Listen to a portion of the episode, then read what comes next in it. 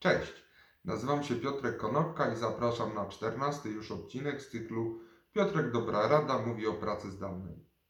Dzisiaj powiem kilka słów na temat savoir vivre w trakcie zdalnych spotkań, szkoleń, wideokonferencji, ponieważ w pracy stacjonarnej, gdy przychodziliśmy do pracy, mieliśmy jakiś dress code, byliśmy ubrani odpowiednio do całej naszej firmy, byliśmy porównywani do pracowników. Najczęściej wszyscy ubierali się bardzo podobnie, to znaczy, jeżeli był obowiązkowy garnitur, to ten garnitur zakładali wszyscy. Trochę inaczej wygląda to w pracy zdalnej, ponieważ pracując z domu, mamy pokusę tego, żeby chodzić w takich ciuchach, w jakich chodzimy na co dzień po domu. Natomiast, tak jak powtarzam, praca zdalna jest ciągle pracą i warto się zastanowić nad tym, w jaki sposób należy się ubrać do pracy jak w ogóle powinno wyglądać spotkanie od strony savoir vivre realizowane na przykład na platformie Zoom.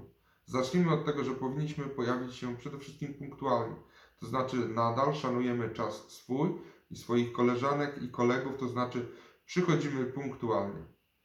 Powinniśmy mieć również włączoną kamerkę. Właściwie cała firma powinna przyjąć taką regułę, że wszyscy mają włączone kamerki i wyjątkiem jest y, to, gdy mamy niestabilne łącze. Kamera i możliwość obserwowania innych uczestników, jak i bycia obserwowanym przez y, pozostałych y, naszych współpracowników w trakcie wideokonferencji powoduje, że jednak trochę bardziej się staramy.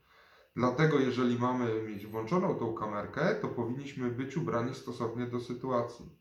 Być może wyciągnięty t-shirt z plamą jajecznicy po, e, z przodu lub nocna piżamka nie jest najlepszym rozwiązaniem do pokazania się kolegom i koleżankom na wideokonferencji.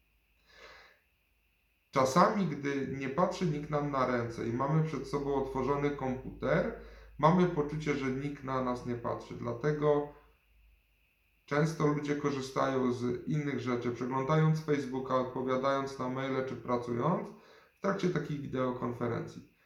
Warto rozważyć pewne zaangażowanie i skupienie, tak żeby ta wideokonferencja potrwała jak najkrócej i żeby była zrealizowana jak najsprawniej. Natomiast odrywanie się do innych rzeczy powoduje, że inni czują się zdemotywowani, a poza tym, jeżeli nie musimy na tej telekonferencji być, to być może nas tam w ogóle być nie powinno. Dla nas jest to strata czasu. Pamiętajmy również o tym, że jeżeli jesteśmy w trakcie wideokonferencji, to na platformie Zoom można użyć takiej opcji mute, czyli wygasić mikrofon i tylko wtedy, gdy chcemy się odezwać, należy ten mikrofon odmiutować, włączyć. Także to jest kilka podstawowych reguł związanych z prowadzeniem wideokonferencji. Dziękuję serdecznie, do zobaczenia jutro, na razie.